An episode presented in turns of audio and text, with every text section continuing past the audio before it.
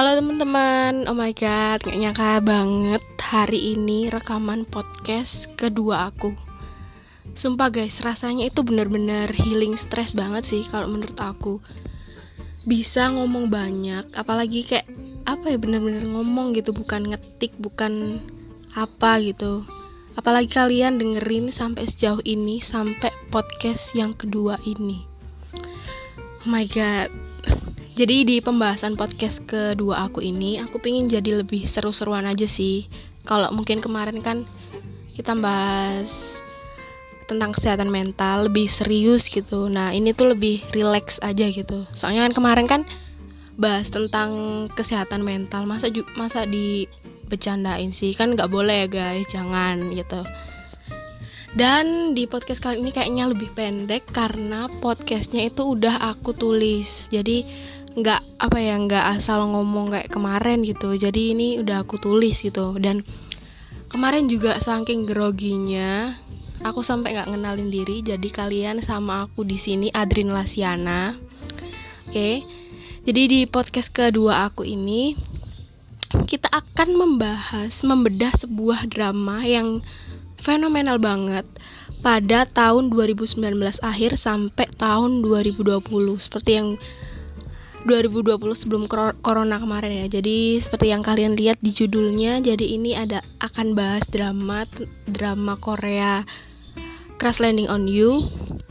Buat yang belum nonton, tenang aja di sini aku nggak bakal spoil spoiler di sini ya. Pokoknya paling ya mentok-mentok bakalan memaparkan trailernya aja sih. Selebihnya yang aku pingin bahas adalah membedah sebenarnya di drama ini tuh ada apanya sih? Kok bisa sangat-sangat banyak dibicarakan oleh halayak? Jadi mulai aja dengan hal yang less signifikan sih. Tapi gak apa-apa aku jelasin aja ya. Soalnya di sini aku pengen ngomong di sini oke? Okay? pertama aku bakal kasih tahu bahwa ini adalah sebuah drama Korea romance ya teman-teman bukan kayak vagabond yang full action atau apalah itu. Jadi ini drama romance oke? Okay? buat kalian yang alergi bucin-bucin please pindah ke lapak lain. Enggak enggak. Canda guys.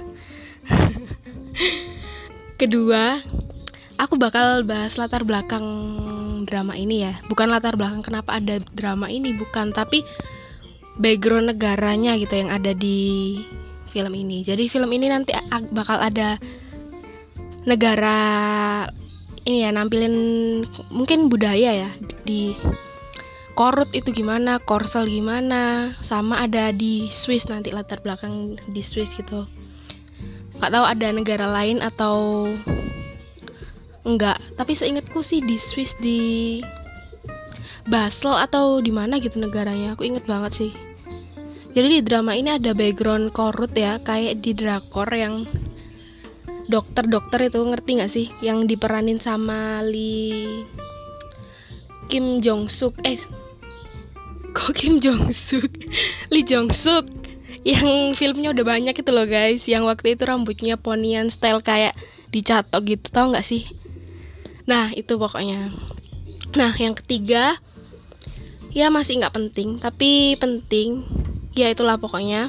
Aku mau bahas latar belakang dari pemain drama ini. Maksudnya pemain itu per, pemerannya sih. Ya jadi pertama ada pemeran cewek yang namanya Yun Seri. Ya Yun Seri atau Seri dia itu latar belakangnya orang kaya konglomerat di Korsel punya perusahaan kosmetik pakaian dan lain-lain. Pokoknya muda dan sukses. Cowoknya itu tentara dari Korut.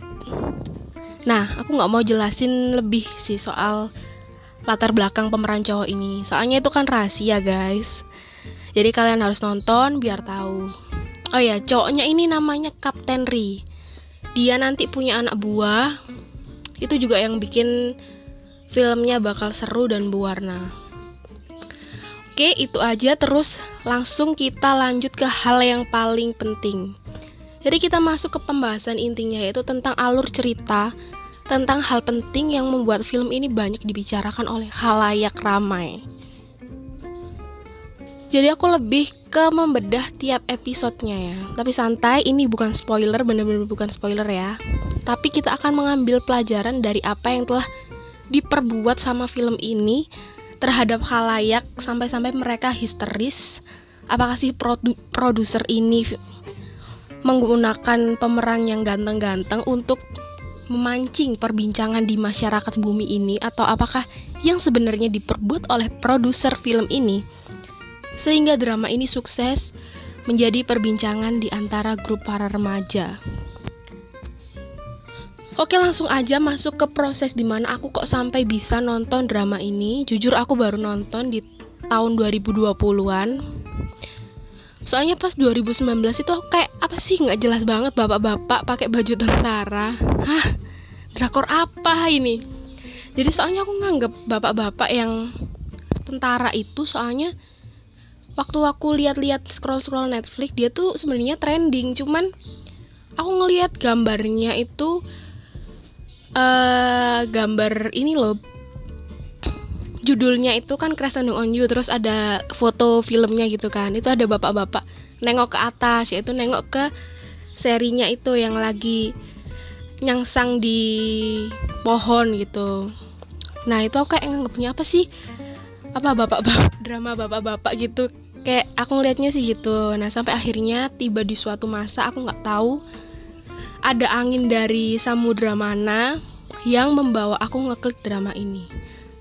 Dan amazingly ketika aku telah ngeklik drama ini, I realized that was my biggest mistake and also blessing. Nah, tuh gimana coba? Soalnya gini, ketika aku udah nonton satu episode, padahal itu masih 8 ya, seingat aku belum komplit 16 gitu. Yang aku rasain pertama kali adalah gak bisa berhenti nonton. It's real dan yang aku rasain sekarang aku dapat suatu pelajaran baru gitu dari dari film in, dari drama ini yang bisa aku pelajari. Aku dalami teori dia aku cari tahu template yang dia gunakan gimana supaya bisa kayak gitu gitu loh bisa mahamin. Dia pakai apa sih kok bisa membuat penontonnya sampai kayak gitu histeris apalah. Eh gitulah. Nah, di situ maksud blessingnya itu. Aku bisa belajar dari situnya. Oke, aku jelasin ya detailnya kenapa sih kok bisa gitu. Jadi di drama ini dia itu selalu dan selalu bikin gantung dan bikin penasaran gitu ya di kelanjutannya tuh gimana sih? Aku sih boleh dibilang udah cukup ya wawasan kedrakoran. Tapi Crash Landing on You ini something gitu buat something banget buat aku gitu. Udah kayak uh, kalau misal kalian nggak percaya lah sama yang aku omongin coba kalian nonton satu episode dan ras dan kalian akan ngerasain apa yang aku omongin gitu. Dan uh, dibalik oke okay, balik lagi balik lagi tentang membedah tiap episode ini ya. Kira-kira apa ya kok bisa gitu gitu? Pengetahuan aku nih nggak tahu juga dari pengalaman pengamatan aku kemarin. Ya waktu nonton lah. Udah lama sih agak udah berapa bulan yang lalu sebelum corona. Jadi uh, sorry banget kalau misalkan bahasa-bahasa yang aku gunain di sini mungkin banyak bahasa pengamatan yang aku sebenarnya nggak tahu teorinya gitu. Jadi di akhir di akhir setiap episode Chloe Crash on You ini dia itu kayak naruh semacam punchline. Yaitu ini sih bahasa aku punchline. Punchline soalnya kalau dalam uh, template perkomedian itu adalah titik lucu atau titik tawa. Orang bakal ketawa pada titik punch itu gitu. Tapi di drama ini aku juga nem namain dia punchline karena menurut aku ada same energy di sini. Punchline yang ditaruh di Chloe Chloe Chloe Chloe ini efeknya itu lebih ke efek curious yang uh, yang dihasilkan lebih ke menimbulkan perasaan kepo gitu yang teramat dalam menurut aku sih ya emang biasa kan film-film bersambung sih ya bersambung aja. Tapi dia tuh something gitu loh. Di titik bersambungnya itu. Nah e, itu kayak gitu. Dan perasaan menurut aku ya perasaan yang aku rasain tuh kayak misal ya uh, kita mungkin punya tetangga gitu. Tetangga yang seumuran mungkin sama kita atau anak kecil gitu dimarahin sama emaknya. Emaknya ngamuk-ngamuk teriak-teriak di depan rumah gitu sambil marah-marahin anaknya. Otomatis kan kita kayak kepo kan sama hal itu kayak kepo anak ini nanti diapain? gitu. Terus sampai uh, akhirnya ibunya masuk rumah sambil marah-marahin anaknya. Kita kan kayak hah kayak kepo apa ya yang bakal dilakuin sama si ibu ini? Kayak ya gitulah rasanya itu kayak dia digantung gitu setiap episode bersambungnya itu jadi template yang aku dapetin di sini adalah ya ada susunan template di akhir film yang benar-benar bikin penasaran. Sejauh ini aku nemunya sih itu ya dan template ini sebenarnya bisa diterapin ke disiplin ilmu lain. Ya gitulah. Gimana ya? Intinya maksud aku adalah kayaknya template yang bikin penasaran ini bisa diterapin untuk ilmu pemasaran, periklanan atau yang yang itu bisa dihadirkan rasa penasaran yang bikin orang lain pengen nyoba itu, pengen tahu apa itu gitu. Kayak yang biasa kita temui itu kan biasa kita ada postingan Instagram, kita disuruh ngedouble tap pakai hidung atau pakai apa yang susah-susah lah. Yang aneh sih bukan susah pakai jidat, pakai apa gitu. Yang tulisannya nanti di bawah itu ada klaimnya 98% atau berapa persen orang gagal melakukan ini. Jadi kayak beneran kayak beneran penelitian gitu loh, kayak ada prosentase-prosentasenya gitu. Itu kan kayak bikin kepo. Lalu tapi lalu ya kita kayak kepo nyobain gitu. Padahal itu kan kayak secara logika aja bisa gitu loh kita nalar. Kalau misalkan itu ya uh, bakal bisa sih diklik gitu. Di tap dua kali tuh bakal ke klik love itu gitu. Tapi kita kayak kepo. Tapi kalau misal, misal buat orang yang udah tahu ya ya apa sih gitu? Biasa aja. Nah mungkin itu sih pelajaran yang bisa diambil dari, drama ini. Kalau kalian pengen tahu apa yang aku maksud coba deh kalian nonton satu episode dan rasain. Atau dua episode mungkin.